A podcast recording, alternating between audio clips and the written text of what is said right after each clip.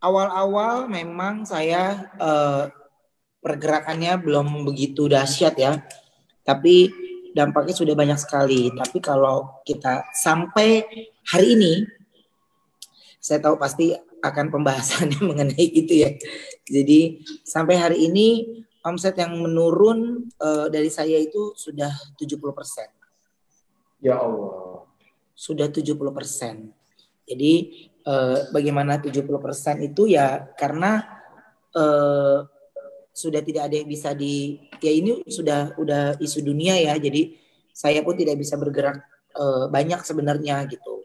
Tapi uh, dua di antaranya yang ini kita bahasnya di Indonesia dulu. Di Indonesia itu dua yang sudah pasti tutup. Itu ada di Bukit Linggau dan di uh, Bukit Tinggi. Lubuk Linggau sama Bukit Tinggi. Itu tidak bisa kita pertahankan.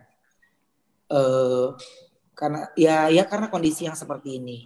Omset yang terus menurun yang menurut saya dalam segi perusahaan itu makin gak sehat. Ya kalau kita mau pertahankan karyawan ya kita sanggup gitu. Tapi buat saya satu bisnis yang salah ketika kita melakukan uh, semuanya dengan uang sendiri gitu ya. Dengan uh, kita gali lubang tutup lubang ya mungkin sekarang selamat tapi saya nggak yakin dua bulan tiga bulan akan selamat gitu. Jadi saya harus berpikir uh, sekarang saya selamat dua bulan ke tiga bulan apa yang harus saya lakukan gitu. Kalau outlet saya punya ada yang di yang ini yang berdampak dahsyat banget sih ya. Ini saya baru buka lima mall dan baru buka dua, tiganya akan segera buka tapi ke pending karena mall. Mall kan nggak bisa aktif buka ya. Jadi hmm, tutup. total sama sekali tutup.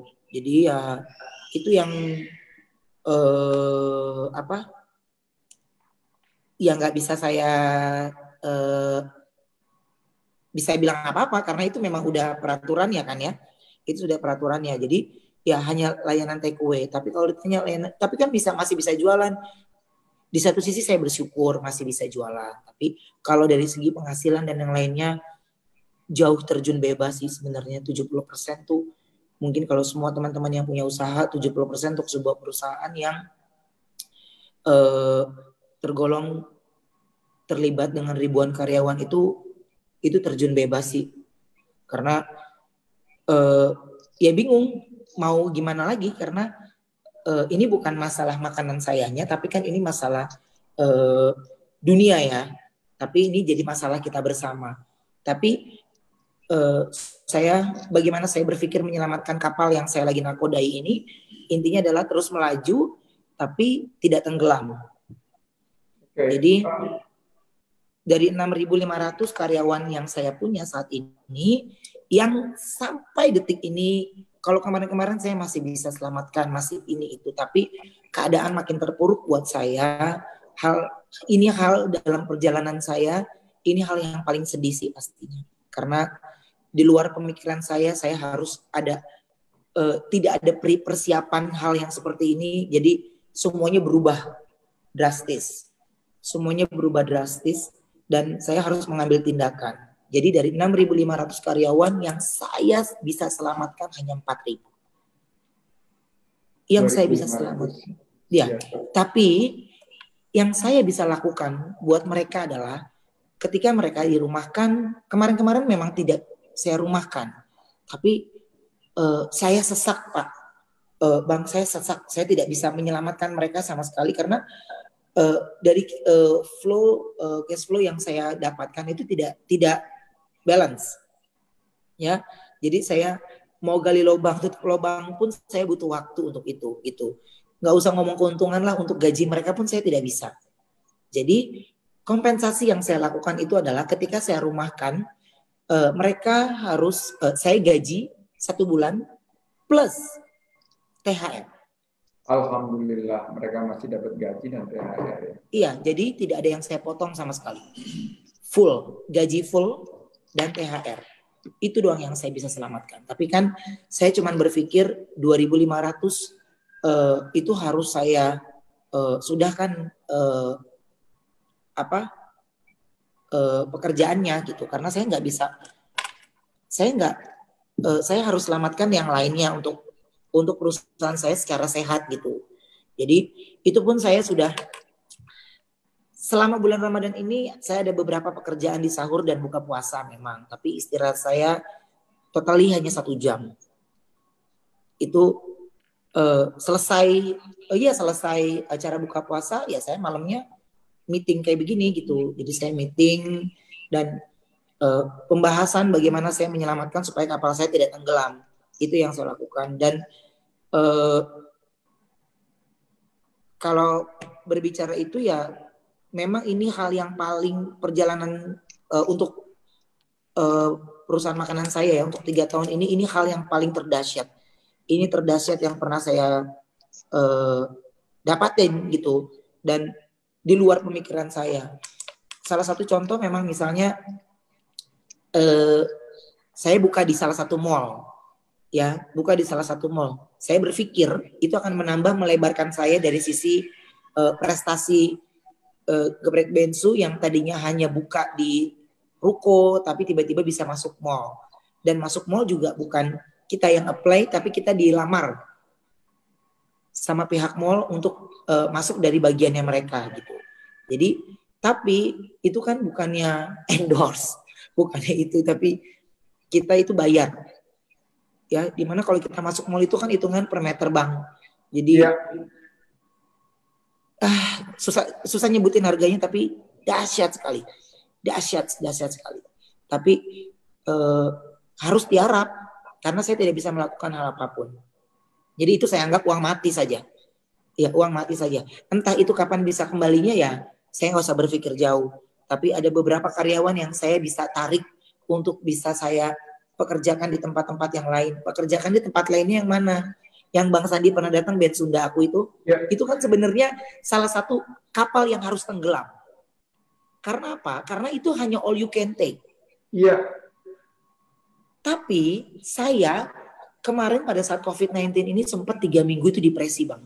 Jadi saya parno dalam segala hal, saya panik, saya takut dalam segala hal. Saya tidak menerima pekerjaan, saya hanya maunya di rumah saja, makan. Wah stres, stres segala hal. Tapi saya harus berpikir kalau saya terus seperti ini saya akan terpuruk terus kan saya hancur terus nih jadi saya harus membangkitkan kepercayaan diri lagi saya harus bisa aktivitas lagi ya dengan cara saya harus uh, uh, bangkit harus survive nih jadi ya apa pun itu saya ya untuk pencegahan COVID-19 saya sendiri sudah melakukan safety ini ini dan uh, social distancing yang saya lakukan itu sudah saya mengikuti treatmentnya tapi kan saya nggak mungkin itu yang saya bilang, saya tidak mungkin berdiam diri di rumah karena di pundak saya banyak ribuan orang yang menunggu uh, keputusan saya. Apa kelanjutannya? Apakah saya tutup atau saya bisa jalan dengan banyak uh, sekali pertimbangan? Itu kan harus ada keputusan ketok palunya dari saya, tidak ada yang lain. Jadi akhirnya salah satu usaha yang bisa saya lakukan untuk mengembangkan ini adalah uh, apa uh, band Sunda band Sunda. Jadi saya bikin band Sunda Express, Bang. Oh, eh ini di band Sunda ya? Ini kelihatannya bukannya di band Sunda nih. Bukan, di rumah. Di rumah. Mirip-mirip soalnya ininya apa? Iya. Desainnya. Desainnya. Jadi memang uh, yang saya lakukan itu ya uh, usaha yang bisa saya lakukan itu hanya band Sunda. Kenapa band Sunda? Satu-satunya yang bisa uh, saya lakukan dalam bentuk frozen. Ya, bakso saya nggak bisa dalam bentuk frozen. Ya, yeah. saya nggak berani karena saya belum ada perhitungan expirednya dan yang lainnya. Itu kan harus ada perhitungan dan harus harus ada uh, izin dan yang lainnya itu kan panjang ya. Jadi satu-satunya yang bisa saya lakukan itu adalah band Sunda Express.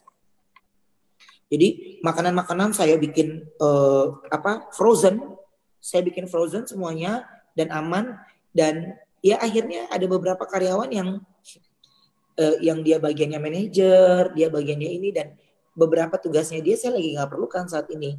Tapi saya tawarkan, kamu masih mau bekerja nggak? Kalau masih mau bekerja, saya ada tempat yang kosong-kosong yang bisa kamu lakukan. Tidak mengurangi penghasilan kamu, tidak mengurangi gaji kamu, tidak mengurangi ini, tapi kamu ya memang kerjanya bisanya di situ. Saya hanya bisa di situ. Karena eh, ya geprek melaju melajunya biasa aja, tapi kan ada PSBB ini kan memang saya harus mengurangi kuota karyawan yang bekerja di dalamnya kan. Gitu. Jadi itu sangat amat berpengaruh buat saya. Makanya ada yang tugasnya manajer, saya bilang udah lu potong tunjang, lu potong cabe, lu iris ini, lu bagian vakum ya, lu bagian jadi sih banyak yang mereka masih mau semangat ya Pak, yang penting saya bisa makan, ya Pak, yang penting saya bisa ini. Ya, selama ini semua sudah kembali normal, kalian akan balik lagi ke jabatannya yang normal. Tapi di di posisi yang sekarang ini saya lagi nggak memerlukan hal itu.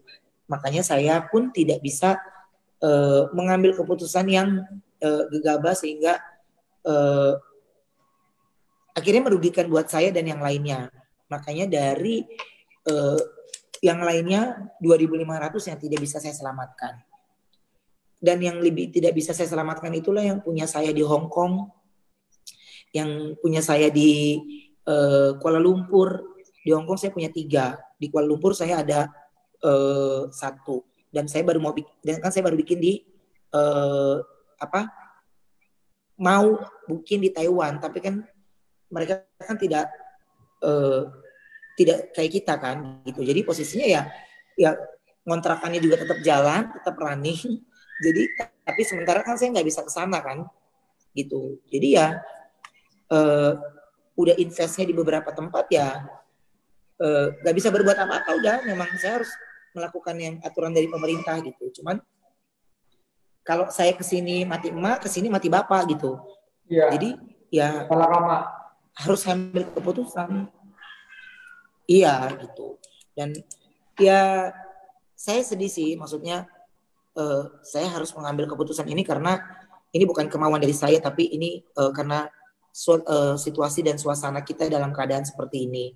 Dan saya rasa kejadian ini tidak hanya kita, tapi bangsa Indonesia. Yeah. Ini dalam kondisi yang seperti ini, saya pun turut prihatin uh, akan kejadian ini. Ya, saya berharap juga eh, apa ya? Kalau seandainya ini pun eh, COVID-19 ini cepat itu, saya butuh waktu satu tahun untuk bisa kembali pulih. Ya, untuk satu tahun itu bisa. Ini uh, pandemik yang pertama dalam sejarah yang betul-betul menghantam bukan hanya dari sisi kesehatannya saja karena ini penyakit ya. baru, nggak iya. kelihatan, ya. cepat banget bergerak, terus menghantam, tidak kenal usia, tidak kenal um, latar belakang, pokoknya udah hampir 4 juta um, masyarakat dunia, lebih dari 200 negara, ya. dan luar biasa dampaknya juga dirasakan dari ekonomi. Nah, saya ingin menyapa beberapa rekan-rekan yang juga nonton dari luar negeri. Ya. Um, teman-teman yang ada di FB, follower saya yang ngefans banget nih sama Geprek Bensu. Amin. Uh, dari Singapura, ayo udah beli uh, ayam geprek bensu belum Singapura nih, Saudi, Korea, Jepang. Kita juga ada dari Argentina, luar biasa. Uh, di Indonesia, di Indonesia uh, Bang Ruben dari Jakarta, Bekasi, ada dari Banten. Mana suaranya dari Banten? Wonosobo, Pekalongan, Banten, Jambi, Jambi Bengkulu. Nah ini dekat Lubuk Linggau nih, Lombok, Sulteng, Aceh. Apa kabar semuanya ini? Semua mendoakan semoga kita Bang Ruben terutama sehat-sehat selalu dan juga Mas Ruben usahanya bisa insya Allah uh, tetap di dalam turbulensi ini berjalan dan tetap uh, memberikan kebermanfaatan kepada uh, bangsa dan negara. Juga yeah. kita ingin doakan sehat-sehat para netizen di seluruh wilayah Indonesia yang ada di luar negeri agar terhindar dari COVID-19 dan kita segera pulih. Nah, kan kita nggak tahu nih, yeah. Pak Ruben, kapan uh, pandemi ini berakhir. Tapi dengar-dengarnya sih, dengar-dengarnya hmm. mudah-mudahan ini bahwa dengan data yang terakhir ada kemungkinan PSBB berhenti tanggal 22 Mei ke atas sehingga kita akan mulai melakukan uh, pembukaan kembali. Nah, tadi kita udah dengar gimana Bang Ruben mau survive dan bagaimana Bang Ruben berusaha untuk mengurangi pegawai. Nah, kebetulan saya juga baru order nih makanan dari Geprek Bensu. Terima kasih Pak. Aplikasi online, pakai dari teman-teman transportasi online. Karena di rumah sini justru kebalik. Kita udah nggak masak, kita pengen uh, pesan dan ini para netizen datangnya keren banget. Ini uh, menu ayam uh, geprek bensu. Kalau kita bisa lihat tuh, ini uh, yang kita pesan. Alhamdulillah datang tadi sempat uh, menemani untuk buka puasa. Ada juga yang bakso goreng. Dan ini nih yang baunya keren banget nih. Waduh, ini kayaknya nih ini sambal apa ini? Sambal sambal apa nih, Pak Ruben? Original. Oh, ini original nih ya. Wow, sambalnya masih kerasa. Nah, di rumah saya ini kan kita biasanya um, masak sendiri, tapi setelah PSBB untuk membantu para UMKM dan membantu warung Tegal dan lain sebagainya kita yeah. pesan dan kita uh, minta diantar pakai uh, teman-teman transportasi online, ojek online. Nah, kira-kira kalau untuk para netizen di sana ada hmm. nggak sih pemikiran uh, Bang Ruben yang bisa membantu real nih? Karena gini, saya mau kasih bayangan nih kalau tadi Bang Ruben bilang 70% turunnya, dia punya margin itu, itu berarti dia sudah di bawah dan cash flow-nya kemakan semua. Jadi yang pernah punya usaha, ini saat yang paling sulit. Ini kayak buah si malakama betul. Kita stuck kalau kita berhenti, kita harus ngurangin pegawai, kita nggak sampai hati. Tapi kalau kita terus jalan, ini kegerus semua. Padahal konsep kita dalam pandemi ini adalah cash is king. Nah, bagaimana pemikiran uh, Bang Ruben nih, gimana caranya kita kolaborasi nih para netizen uh, juga uh, tentunya dunia usaha dunia usaha pemerintah apa yang diperlukan pada saat ini untuk memastikan usaha-usaha seperti Bang Ruben ini bisa survive. Ya kalau saya bingung ya kalau ditanya apa yang bisa dilakukan ya kalau saya salah satu supportnya ya sama misalnya kayak ada pedagang-pedagang online atau apa pun ya saya lebih prioritaskan untuk pedagang online karena uh, lebih memprioritaskan sama kayak Bang Sandi saya jadi saya lebih belinya dari rumah aja gitu.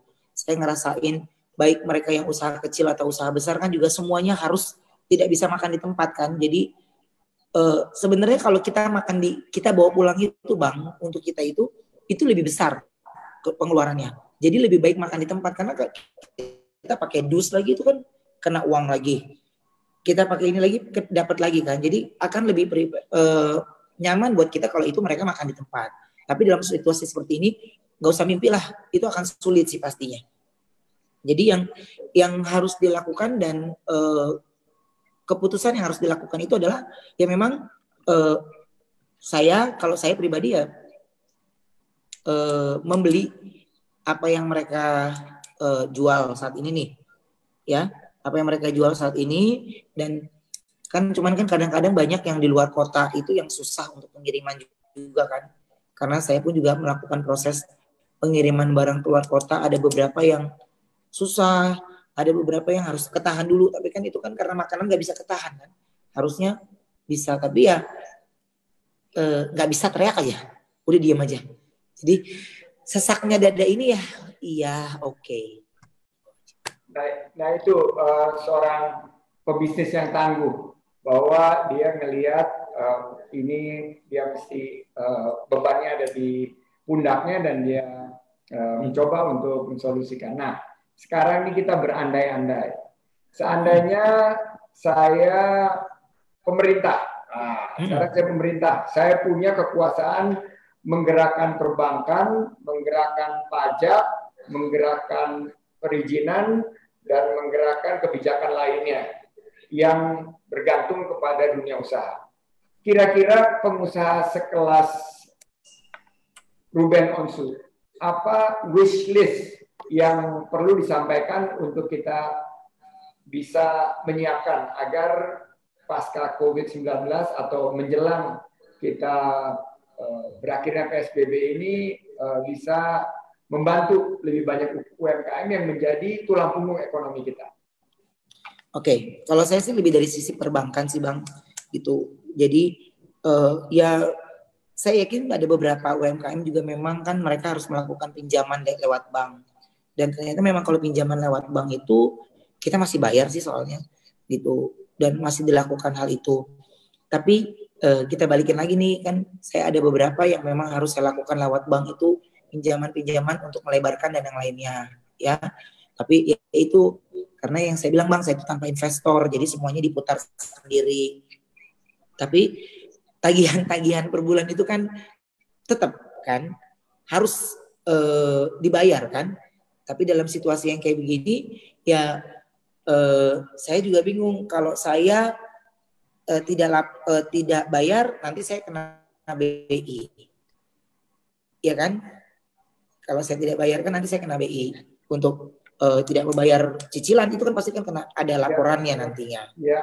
Tapi dengan kondisi yang seperti ini saya bingung nih bang, saya punya satu, saya punya satu uh, kado, saya punya satu uh, bingkisan ini, ya uh, parcel ini, saya bingung nih, saya harus baginya ke mana? Yang mana yang saya prioritaskan? Apakah ke karyawan dulu, ataukah ke cicilan uh, perusahaan, ataukah ke itu kan harus saya bagi-bagi gitu.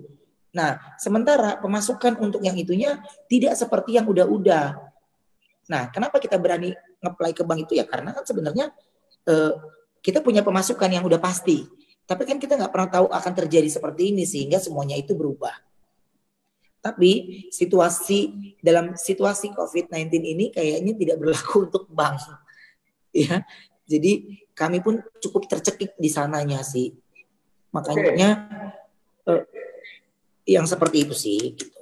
Ya, gini kalau misalnya saya bisa membayangkan ya karena saya juga punya ada dari portfolio usaha saya kemarin melakukan review satu juga di blok banget karena kenapa karena di dalam mall dia jualan baju ya sudahlah karena dalam mall udah nggak jualan dua bulan ya terpaksa tapi alhamdulillah eh, puji Tuhan masih diberikan kesempatan paling tidak sampai akhir Lebaran ini kalau berlanjut sih kita nggak tahu ya tapi sampai ini belum mem PHK masih merumahkan. Nah saya mau tanya ya. kalau saya punya kebijakan untuk um, pengusaha kuliner ya, salah satunya tentunya uh, Geprek Bensu ya.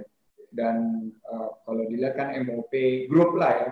Uh, yeah. MOP Group ini sebetulnya diversified juga kan. Sebetulnya kalau media konten, alhamdulillah ya itu mestinya sih nggak terlalu terganggu ya karena dengan work from home uh, mungkin ada sedikit penurunan tapi nggak 70 persen. Nah, kalau MOP sendiri bang, sebenarnya ini sedikit maaf aku potong. Kalau MOP sendiri sebelum ada uh, eh, WFH ini, WF, uh, eh, WFH ini, aku sudah lakukan kerja itu per tim sebenarnya.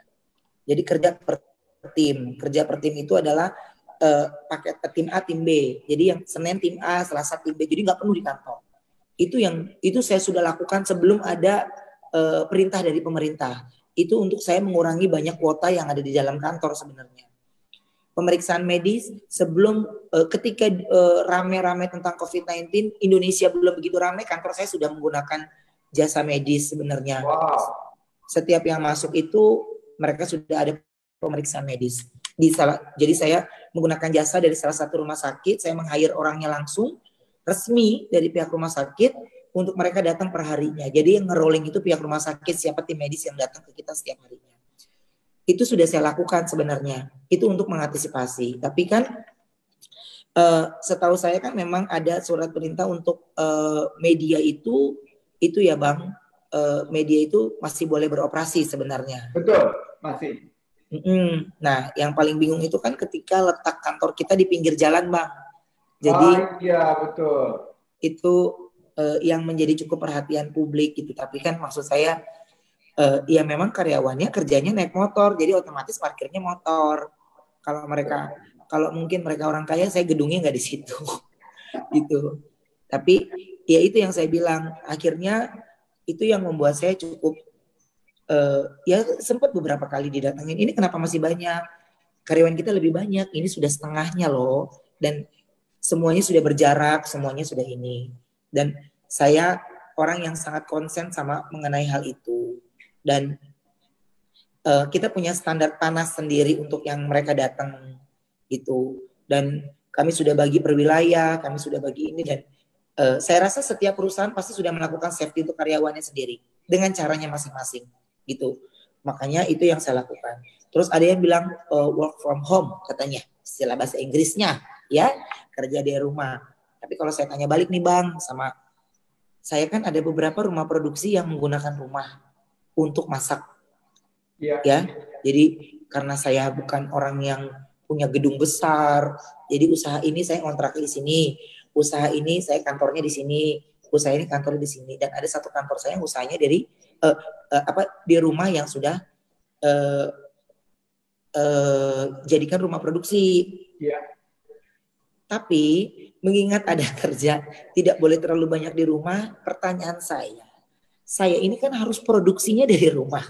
Iya sebelum ada yang kejadian seperti ini, rumah itu sudah menjadi kantor kita. Iya. Dengan orang yang sama. Iya. Tapi kalau kami pun harus dilarang, harus ini, kami juga bingung. Bagaimana kami menyelamatkan nyawa kami? Bagaimana kami menyelamatkan itu? Menyelamatkan karyawan kami. Kalau ditanya, saya sendiri juga tidak nyaman ketika oh, ini masih banyak ya, ini masih banyak. Saya bisa habiskan semuanya. Tapi bagaimana pertanggungjawaban saya dengan mereka? Betul. Harusnya ketika diperiksa, apakah saya mempekerjakan itu ada tim medis? Saya ada tim medis. Iya. Ya, dengan standar yang sudah ada. Tapi ketika dilakukan pemeriksaan, ini masih banyak ya, ini masih banyak ini. Ya kalau namanya eh, dua orang tiga orang namanya eh, PRT ya. Iya. Iya tapi kan ini kan company bang. Jadi yeah. buat saya, uh, saya lagi semua orang lagi kebanjiran, musibah, banjir lagi melanda. Jadi kita lagi mencari tempat yang menyelamatkan diri yang untuk bisa stay, untuk kita bisa uh, uh, aman gitu sebenarnya. Dan makanya, uh, halo, yang yang saya bisa stay, saya bisa uh, aman dan halo. Ya, kita masih on di ya, sini, ya. Bang Ruben. Jadi saya bisa stay, saya bisa aman dan yang lainnya dan maksud saya itu tujuannya adalah uh, saya uh, harus kayak lu kebanjiran jadi lu ngungsi sana, ngungsi sini, lu gini gini gitu loh bang. Jadinya uh, bukan kemauan saya tapi suasana yang membuat saya harus mengambil keputusan secara cepat. Ya. Jadi ketika tempat produksi kita pun uh, tempat produksi kita pun harus ini masih terlalu banyak, ini masih terlalu ini. Lantas bagaimana yang bisa kita lakukan? Karyawan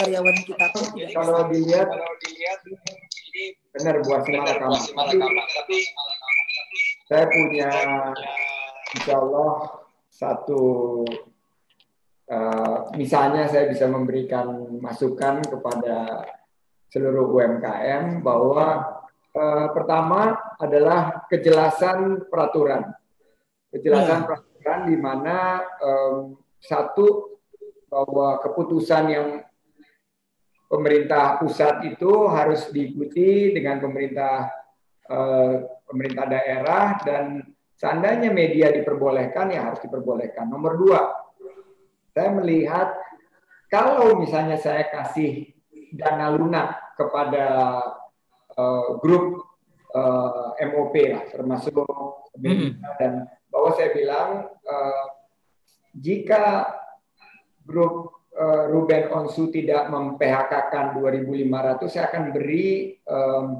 enam bulan pendanaan yang dijamin uh, tanpa kolateral tambahan dengan bunga yang lebih lunak dan juga dengan uh, rescheduling uh, yang lebih panjang sehingga cicilan yang sekarang uh, sangat dirasakan berat ini bisa bisa uh, tidak terlalu membebani. Uh, hmm. Saya rasa itu jauh lebih diperlukan karena pada saat sekarang kan kita perlu uang tunai, cash is king, yeah. Yeah. cash is king. Dan menurut saya uh, kebijakan ini yang uh, mudah-mudahan bisa diadopsi oleh pemerintah. Jadi dua hal. Satu restrukturisasi dari kewajiban yang sekarang, tapi untuk mempersiapkan pembukaan uh, kembali dan setelah relaksasi PSBB ini kita perlu modal juga nih. Ya. modal dan ini uh, kita berikan modal untuk pengusaha-pengusaha kecil, pengusaha mikro dan pengusaha menengah. Nah, saya saya rasa kita mungkin udah cukup ngomongin mengenai yang uh, apa sedih-sedih yang jeblok hmm. dan lain sebagainya. Saya sekarang mau sedikit shifting kepada seandainya seandainya krisis kesehatannya sudah bisa diatasi, insya Allah, amin, uh, Ya. Dan tanggal 22 Mei ini, 22 Mei setelah Lebaran, PSBB tidak diperpanjang, seandainya. Berarti kan kita harus mulai buka lagi nih. Buka mall, buka uh, Ben Sunda, buka geprek, buka bakso, dan segala macam. Saya ingin uh, mengangkat ada beberapa slide. Uh, slide uh, yang berupa checklist. Nah ini guidelines dari CDC. Center for Disease Control di Amerika yang mudah-mudahan juga di sini kita juga ada dinas kesehatan dan lain sebagainya. Hmm. Tapi uh, ada beberapa pertimbangan dalam membuka kembali restoran. Nah ini uh, mungkin saya tanya sama uh, Bang Ruben. Pertanyaan hmm. pertama, apakah lingkungan kita di Eh, outlet-outlet yang di sana uh, sudah aman untuk dibuka? Kalau saya pastikan aman, Bang, karena memang kita sudah mengikuti standar dari pemerintah. Itu yang saya bilang. Kami kami semuanya mengikuti uh, standarnya dan okay. untuk semua jadi untuk berarti, semuanya berarti yang aman. pertama aman mengikuti pemerintah. Nah, pertanyaan Harus. yang kedua, pertanyaan kedua sebagai checklist uh, kalau tadi bisa diangkat slide-nya lagi tentang para pekerja. Nah, ini kan banyak banget nih di Geprek Bensu.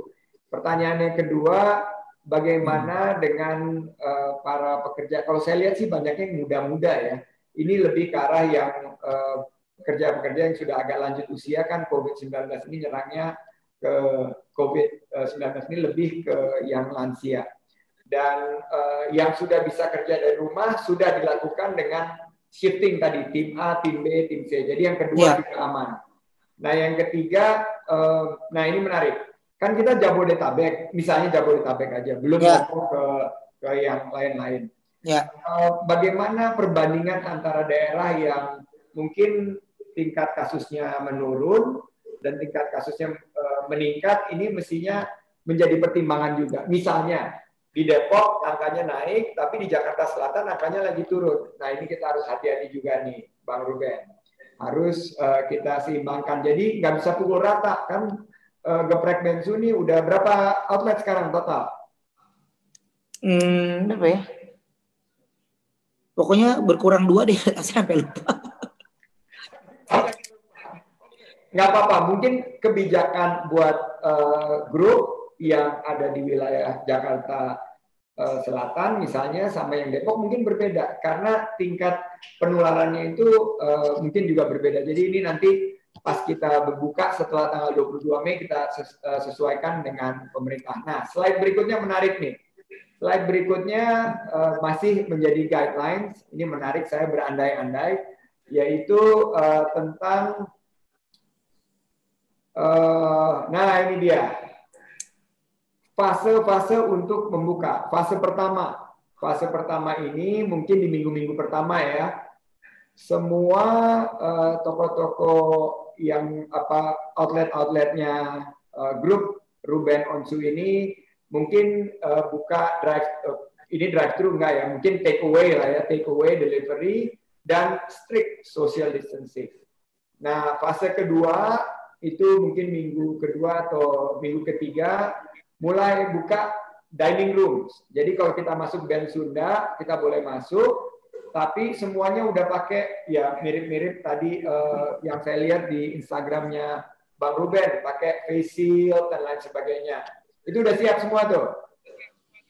Itu kalau untuk karyawan sih kami siap, tapi kalau untuk tamu kalau untuk uh, pembeli sih untuk untuk karyawan aja untuk karyawan. Kami sudah pakai kami sudah pakai sebelum uh, ada peraturan dari pemerintah pakai face shield.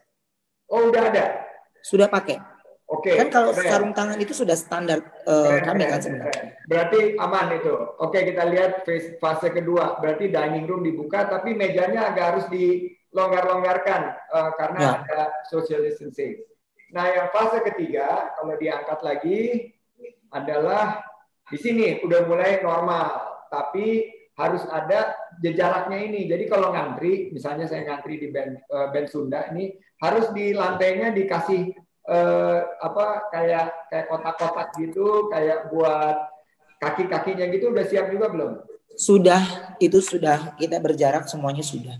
Jadi nah, berarti, jarak uh, berarti kalau gitu kita sudah sangat siap ya untuk nanti uh, membuka kembali gitu ya. Iya, saya sudah saya sudah lakukan hal itu ketika pokoknya gini, saya mengikuti peraturan pemerintah dengan social distancing, uh, strict social distancing juga saya sudah lakukan gitu. Jadi memang uh, apa ya? Uh, dari sisi uh, pelayanan pun kita dari sebelum ada ini pun kami memang udah standarnya sudah pakai uh, sebelum pakai face tuh dulu pakai yang hanya mulutnya saja kan ya bukan yang ya. tutup saja itu udah standar kita sih Ya aku lihat sih dari pertama sebelum COVID waktu itu udah sangat higienis. Nah ini di slide hmm. berikutnya hmm. aku ingin share bahwa dari pengalamanku hmm. melihat dengan mata kepala sendiri di restoran-restoran Bensu ini sudah uh, healthy hygiene practice. Jadi sebelum ada face shield waktu itu ada buat nutup di bawahnya tuh buat uh, menghalangi droplet sudah dilakukan sebelumnya. Saya lihat juga tempat cuci tangan, clean, disinfect dan ventilate juga ada, ruangannya terbuka begitu. Uh, maintain social distancing ini sudah uh, katanya sudah mulai uh, akan diterapkan di sana. Dan nah ini uh, tim kesehatan yang nomor empat. Berarti harus ada semacam kayak tim medis gitu yang secara rutin mengecek uh, kesehatan daripada para karyawan. Itu kelihatannya juga sudah ya, uh, Bang Ruben. Oke, kalau tim medis itu hanya dari kitanya saja, tapi ini kan yang saya harus tanyakan tim medis ini apakah setiap tamu yang datang itu kita tim medis karena kalau kita hanya kita lakukan untuk pembeli itu standarnya ya cek temperatur ya dan kita ingatkan setiap yang mau ikutan antrian walaupun berjarak tetap menggunakan masker ya dan kita menyediakan hand sanitizer. Jadi ketika mereka masuk antrian kita kasih hand sanitizer mereka begitu. Jadi ke uh, ke pelayan kita pun ya itu tidak tidak bersentuhan sebenarnya. Oke, jadi gitu. ini sebetulnya sudah masuk ke dalam uh, guidelines-nya karena guidelines-nya sebetulnya kepada uh, tim medis itu uh, mengecek kesehatan ke, uh, untuk uh, para pegawai bukan para pengunjung. Ya. Nah, maintain social distance ini di slide terakhir nih. Aku mau share nih. Ini hmm. maintainnya, ah, ini menarik nih bahwa social distancing ini sebisa mungkin kalau misalnya mereka datang dengan mobil, tapi kan kita banyak juga yang datang dengan motor ya.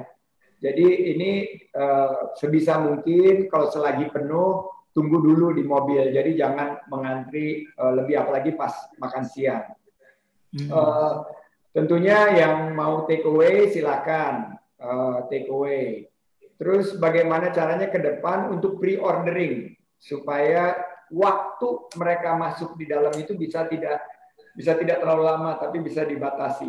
Jadi kalau dia order dulu bukan dia datang langsung lihat menu tapi ada semacam fitur melalui aplikasi pre-ordering itu akan bagus. Nah ini juga di band Sunda dan di beberapa outlet lain sudah dilakukan tidak ada lagi self-serve buffet. Karena self-serve buffet dan salad bars dan drink station itu yang pusat banyak sekali uh, terjadi resiko untuk penerapan ya. di situ. Nah ini juga floors dan sidewalk sudah digambarin kotak-kotaknya sudah berarti udah beres.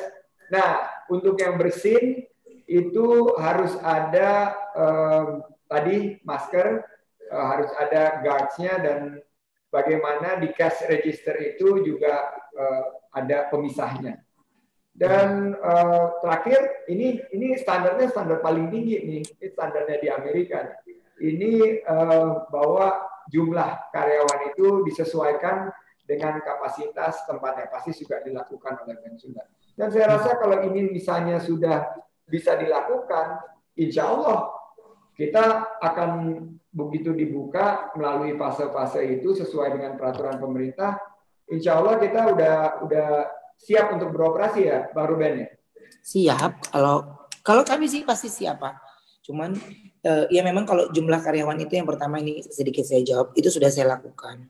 Tapi uh, untuk saya bisa kembali uh, seperti uh, semula lagi, saya butuh waktu untuk uh, bisa mengembalikan kerugian yang sudah kemarin ini ya, ya. Dengan, dengan cara ya itu saya butuh waktu. Tapi jika saya butuh karyawan, yang saya lakukan adalah saya menerima karyawan yang sudah pernah bekerja dengan saya dulu, yang saya ya. tawarkan lagi. Jadi saya tidak membuka untuk umum dulu, saya tawarkan dulu ke mereka. Tapi kalau mereka sudah dapat pekerjaan tempat lain, baru saya uh, buka untuk umum gitu. Jadi kalau uh, beberapa kayak bakso dan yang lainnya itu uh, memang ya uh, peminatnya memang agak berkurang ya karena uh, bukan makanan pokok yang dicari orang kita saat ini gitu. Jadi saya pun merasakan sama ini yang dirasakan oleh penjual bakso, oleh penjual apa pun itu itu pasti sangat amat berasa pastinya. Jadi kita membeli mereka pun khawatir sendoknya kita punya worry karena yang dirusak ini pemikiran kita juga kan saat ini. Iya. Jadi kita uh, saling mencurigai, saling ini gitu. Jadi uh, itu yang saya bilang sih sebenarnya uh, dari sisi saya uh, di Onsu Pangan Perkasa sendiri dari OPP ataupun MOP itu saya sudah apa yang tadi diubang, diucapkan oleh Bang Sandi sudah saya lakukan. Ya. Dan tapi kalau untuk saya bisa mengembalikan itu ya uh, saya butuh waktu lagi untuk bisa. Uh, ya, jadi saya saya dapat lah kira-kira uh, apa saja yang diperlukan usaha-usaha seperti OPP dan MOP. Nah, ya. saya ini tertarik banget kan pernah tiga minggu katanya awalnya tuh galau tingkat dewa lah, gegana. Um, sempat juga eh, nggak uh, terima uh, apa job dan lain sebagainya. Hmm. Saya ingin mungkin Bang Ruben bisa share sedikit apa yang memantik akhirnya, eh bangun kita ini, kita harus hadapin semua ini dan kita harus menjadi leaders yang bertanggung jawab kepada ribuan karyawan yang ikut sama kita dan menggantungkan nafasnya kepada kita. Apa yang menjadi trigger? Pertama, saya balik lagi ketika saya lagi bawain kapal, awak kapal ngomong ya ada satu bocor 10%. Dua, sisi sebelah sini bocor 20%. Sisi sini bocor 30%. Jadi ketika itu sudah mencapai di posisi 40%, saya rasa saya harus bangkit. Karena ya pilihnya saya bangkit atau tenggelam, itu doang. Kita nggak mungkin bisa di dalam satu tempat kita diam sendiri berdoa tanpa tanpa berusaha itu nggak mungkin. Jadi uh, kuncinya dari di sini adalah bagaimana saya bisa survive, saya bisa bangkit, ngelihat saya semangat pasti karyawan saya semangat. Ya, tapi ngelihat saya ya syukurnya kalau kita mikirin perut kita sendiri ya bang, maksudnya ya syukur ya anak saya tiga-tiganya mereka saya sudah tabungannya sama mereka aman, ini mereka aman. Tapi kan bukan begitu caranya untuk sebuah iya. perusahaan. Jadi ya. uh, saya anggap karyawan saya itu ya anak-anak saya juga gitu. Jadi harus punya pemikiran untuk apa langkah untuk mereka ke depannya gitu. Jadi uh, hal yang yang yang memang uh, buat saya ke depannya itu ya uh, ketika saya bangkit itu harus ini udah nggak bisa. Udah nggak bisa mengandalkan ya udah memang itu peraturannya ya udah memang ini suasananya seperti ini nggak bisa. Saya harus bangkit. Dan yang membuat saya bingung lagi uh, dari sisi yang uh, owner and founder. Dari uh, beberapa brand yang saya pegang ini adalah uh, peraturan dari pemerintah daerah yang uh, di sini sama, yang di sini tidak. Ah. Di sini sama. Itu jadi uh, karena saya punya di seluruh gak konsisten ya, nggak konsisten sama sekali, membingungkan. Hmm, bingung saya juga. Ganti itu yang saya bilang karena saya tidak bisa bersuara secara banyak jadi ya sesaknya dada ini ya cuman oke okay. ini buat para netizen uh, terutama Facebook uh, ya itu Facebook follower saya itu nggak pernah lihat uh, Ruben Onsuni dalam frame seperti ini um, dan ini uh, luar biasa membuka uh, mata kita bahwa Ruben Onsu juga nyesek ngadepin uh, eh, COVID-19. Uh, ada nggak sih hikmah hikmah yang bisa di-share nih ke teman-teman saya juga uh, setiap daripada kita punya hikmahnya sendiri terhadap COVID-19 ini. Karena kita yakin sebagai umat beragama, kita tahu bahwa ini ada pesan-pesan khusus buat kita. Nah, kalau untuk Ruben sendiri, ada nggak sih hikmah uh, COVID-19 ini? Oke, kalau dari hikmah ini sih buat saya uh, banyak. Yang pertama, akhirnya saya uh, punya banyak waktu untuk keluarga. Itu yang pertama. Terus yang kedua, uh, hikmah dari ini adalah ya akhirnya uh, saya biasanya selalu punya plan A dan plan B. Tapi kayaknya nextnya saya harus punya plan C, D, dan E. Gitu. Step apa yang saya lakukan ketika A, uh, kejadian saya harus punya plan B. Plan B nggak mempan saya harus punya C. C nggak mempan saya harus punya D. D nggak mempan saya harus punya E. Jadi harus lebih punya banyak pilihan sih. Sehingga nggak kalang kabut yang seperti ini. Jadi ortanya kalang kabut, ya benar. Panik, ya benar. E, suasananya seperti ini, ya nggak ada pilihan lain. Saya harus jalani karena ini bukan terjadi dengan saya, tapi ini terjadi oleh seluruh masyarakat di Indonesia bahkan di dunia. Tapi e, saya harus e, punya banyak pilihan itu sehingga saya tidak mengambil e, e, pen, tidak mengalami penurunan yang cukup kalau untuk uh, orang yang paham akan sebuah bisnis 70% sih itu dahsyat bang. Dahsyat. Itu ini nggak serba. Uh, kalau 70% itu enggak. Karena kalau kita turun 20 30 iya. persen mungkin kita bisa kurangin margin sedikit tapi 70 persen itu di saat-saat normal orang pasti akan menutup perusahaannya. Tapi kan kita ini semua nah. satu uh, dunia menghadapi seperti ini. Ya nah, ini, ini kan luar biasa saya kan ber, saya kan berpengaruh sama ini loh bang, sama supplier saya iya. ada supplier ayam, supplier telur, supplier tepung, supplier ini banyak supplier yang ada di bawah saya. Di bawah supplier itu ya, di bawah supplier itu ada ratusan orang yang bekerja kan. Yeah. Ada ratusan orang yang bekerja. Jadi saya punya perusahaan minuman Bensudring. Bensudring ada berapa ratus orang di dalamnya. Jadi ada orang ini. Jadi maksud saya mereka kan harus di charge terus uangnya. Jadi bagaimana saya bayar ke supplier? Sementara saya pun pemasukannya e, berkurang, tapi kan supplier juga butuh uang juga buat bayar karyawan. Jadi sebenarnya ini e, masing-masing punya keperluan gitu. Tapi saya mau bayar, tapi saya juga berkurang. Tapi kalau saya nggak ini, supplier itu kan punya banyak pilihan orang yang ambil. Jadi kalau nggak saya banyak ambil, ya mereka akan e, bisa cari yang lain kan secara tidak eksklusif ke kita gitu. Jadi kan kita menjaga eksklusif itu adalah supaya e, mereka lebih fokus penjualannya ke kita, mereka lebih fokus ke kita gitu. Jadi uh, banyak hal yang uh, posko-posko istilahnya yang uh, dari geprek bensu tidak hanya karyawan geprek bensu ataupun pembeli geprek bensu aja, tapi dari segi olahan geprek bensu untuk dus-dus yang Bang Sandi tadi beli itu kan ada karyawannya yang bekerja untuk pembuatannya. Yes, itu pembuatannya ada orang lagi yang bekerja. Nah, kalau kita bedah lagi di dalamnya, itu yang Bang Sandi beli kalau tidak salah bakso ya, bakso geprek itu yang tadi Bang Sandi ya. Nah, itu baksonya beda dengan bensu bakso. Jadi itu ada itu ada produksinya. Nah, itu cabe. Cabe itu kan ada cabenya lagi. Ya. Terus ada ayamnya lagi. Nah, untuk tepung dan yang lainnya memang saya punya pabrik sendiri. Oh, ini ada tepung nih. Tapi kan, kalau ini kalau ini tahu nih ada tepungnya nih. Nah, itu kan tahu kita ada suppliernya, Bang. Iya. Tahu kan ada suppliernya, tepungnya memang dari saya, tapi bagaimana saya bisa jual tahu? Saya, saya kan harus ada depositnya juga ke mereka. Iya kan? Apalagi ada yang minta tolonglah kita dalam keadaan kayak gini, tolong ini banget ini. Jadi saya bingung yang harus saya selamatin supplier ayam, yeah. apa supplier bingung, yeah. bingung saya yang saya bingung. Jadi akhirnya saya cuman Bismillah aja. Ini, ini udah gitu, merem gitu aja. Ini gitu.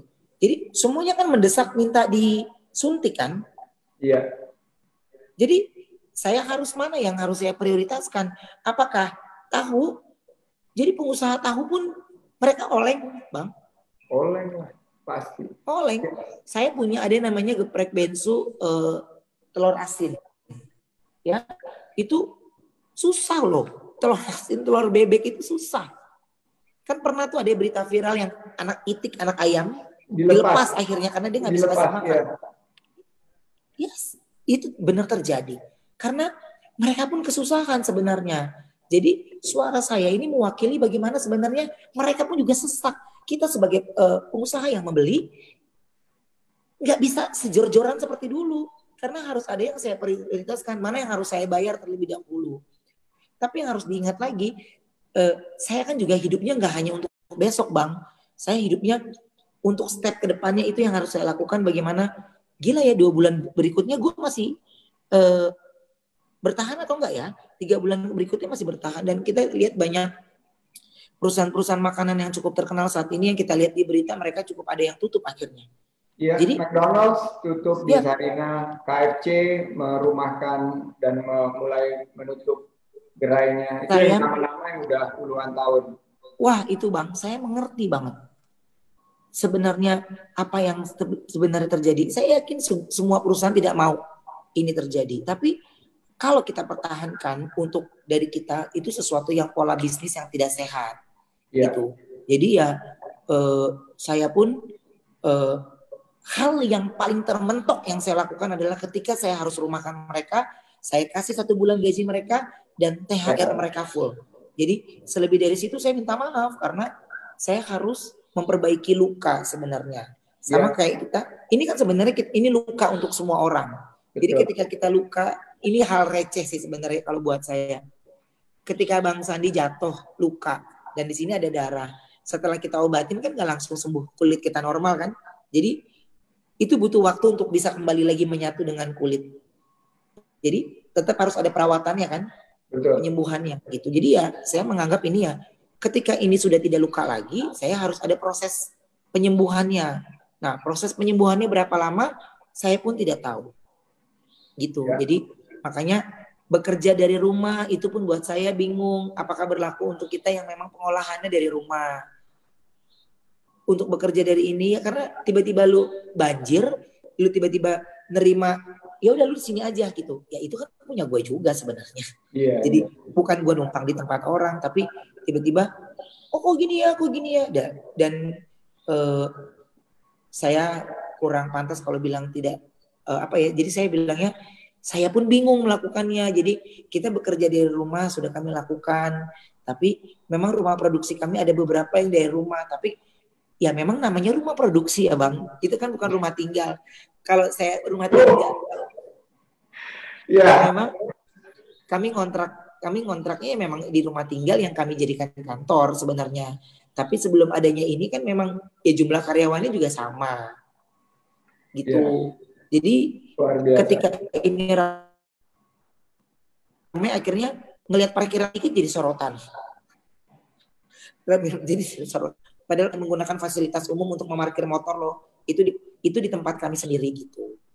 Jadi memang ini lagi-lagi kita bicara pandemi COVID-19, tapi tanpa terasa kita udah di penghujung acara. Saya mau mengingatkan para netizen dan pengusaha dan uh, para entrepreneur di luar sana uh, sekelas Ruben Ensu juga um, mengalami begitu banyak tekanan uh, diakibatkan pandemi COVID-19 ini seorang sosok yang selalu menghibur kita juga ada saatnya sangat uh, sesak gitu menghadapi situasi ini.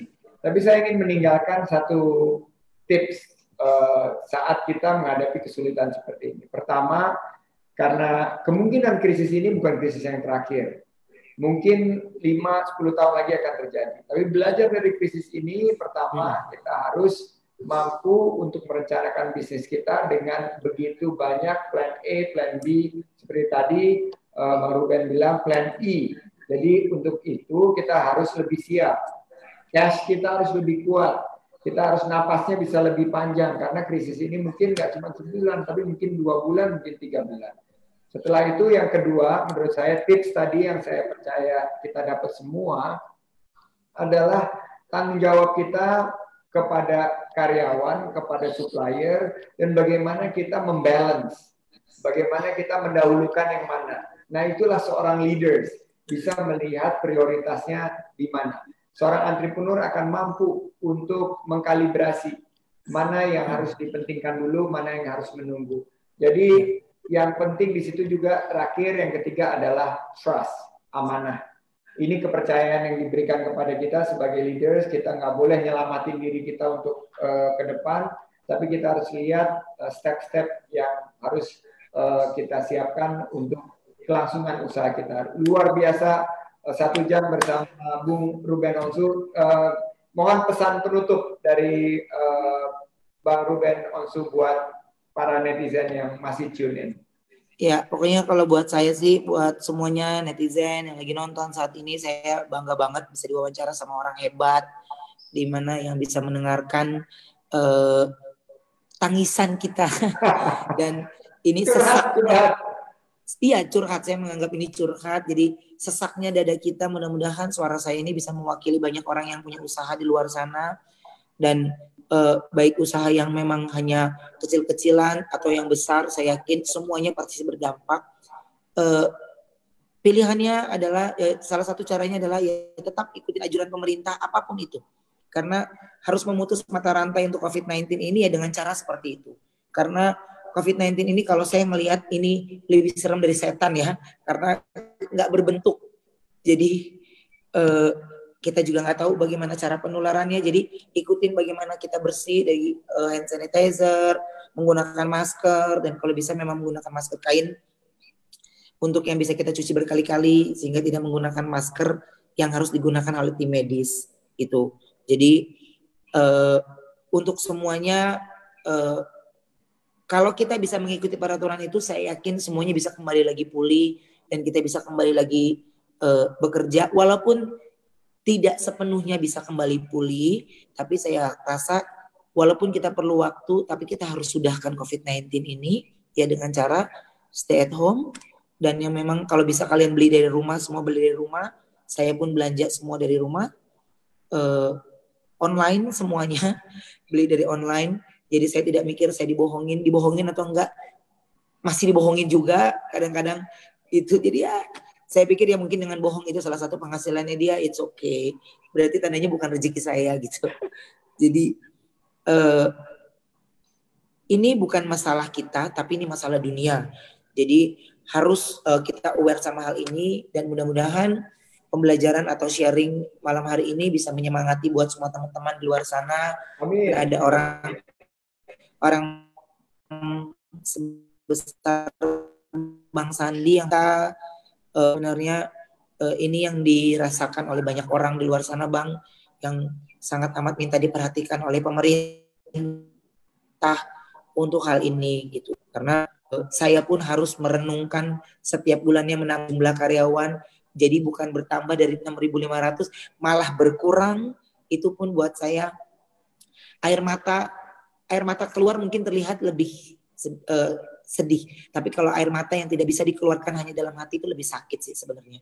Karena uh, saya tidak mau memikirkan perut saya aja bang, saya harus memikirkan banyak perut orang di luar sana. Jadi saya pun sampai detik ini kalau saya masih makan-makan ini, aduh mereka gimana ya? Tapi saya harus bikin video makan karena itu satu-satunya yang saya bisa dagangan saya sendiri gitu. Walaupun banyak di luar sana yang, wah banyak orang yang di luar sana yang nggak makan, paham. Tapi ini satu-satunya gue bisa nyelamatin karyawan gue untuk bisa bekerja video makan karena gue nggak bisa bayar influencer lagi nggak yeah. bisa bayar ini lagi dan ya udahlah dengan jumlah follower gue yang nggak seberapa tapi ya mudah-mudahan satu persennya ya atau 0,2 persennya mereka beli makanan gue itu gue sudah bisa ya kalau minum obat sesak napas ya agak napas lega lah gitu hari itu yeah, jadi yeah. apa yang saya melakukan setiap harinya ya jadi uh, saya tidak bisa menggunakan waktu untuk istirahat karena kalau saya waktu istirahat saya punya rasa takut, apalagi yang terjadi dengan besok. Saya belum punya prepare, jadi saya harus prepare terus langkah-langkah selanjutnya. Setelah lebaran seandainya terjadi seperti ini, apa yang harus saya lakukan? Dan jika tidak terjadi, apa yang harus saya lakukan? Itu aja sih. Kita doakan PSBB selesai 22 Mei, um, terus terjadi penurunan kasus COVID-19 sehingga Eh, para tim medis yakin Amin. untuk memberikan uh, uh, masukan kepada pemerintah untuk melonggarkan relaksasi. Kita doakan semua ekonomi bisa terbuka kembali dan kita doakan uh, OPP Amin. dan MOP jaya kembali. Saya Amin. seperti pernah saya bicarakan di headquarternya MOP dan OPP bahwa um, saya berharap ini perusahaan akan go public dan menjadi kebanggaan Indonesia. Terima kasih luar biasa satu jam bersama Ruben Onsu. Saya ucapkan sekali lagi uh, terima kasih dan mudah-mudahan uh, kita bisa berdoa setelah bulan suci Ramadan ini uh, COVID-19 dicabut dari muka bumi. Amin, amin dari bumi ya. Amin, amin, amin. Terima kasih. Ya. Terima kasih Bang Sandi. Untuk kita semua, sukses untuk semuanya. Wassalamualaikum warahmatullahi wabarakatuh. Assalamualaikum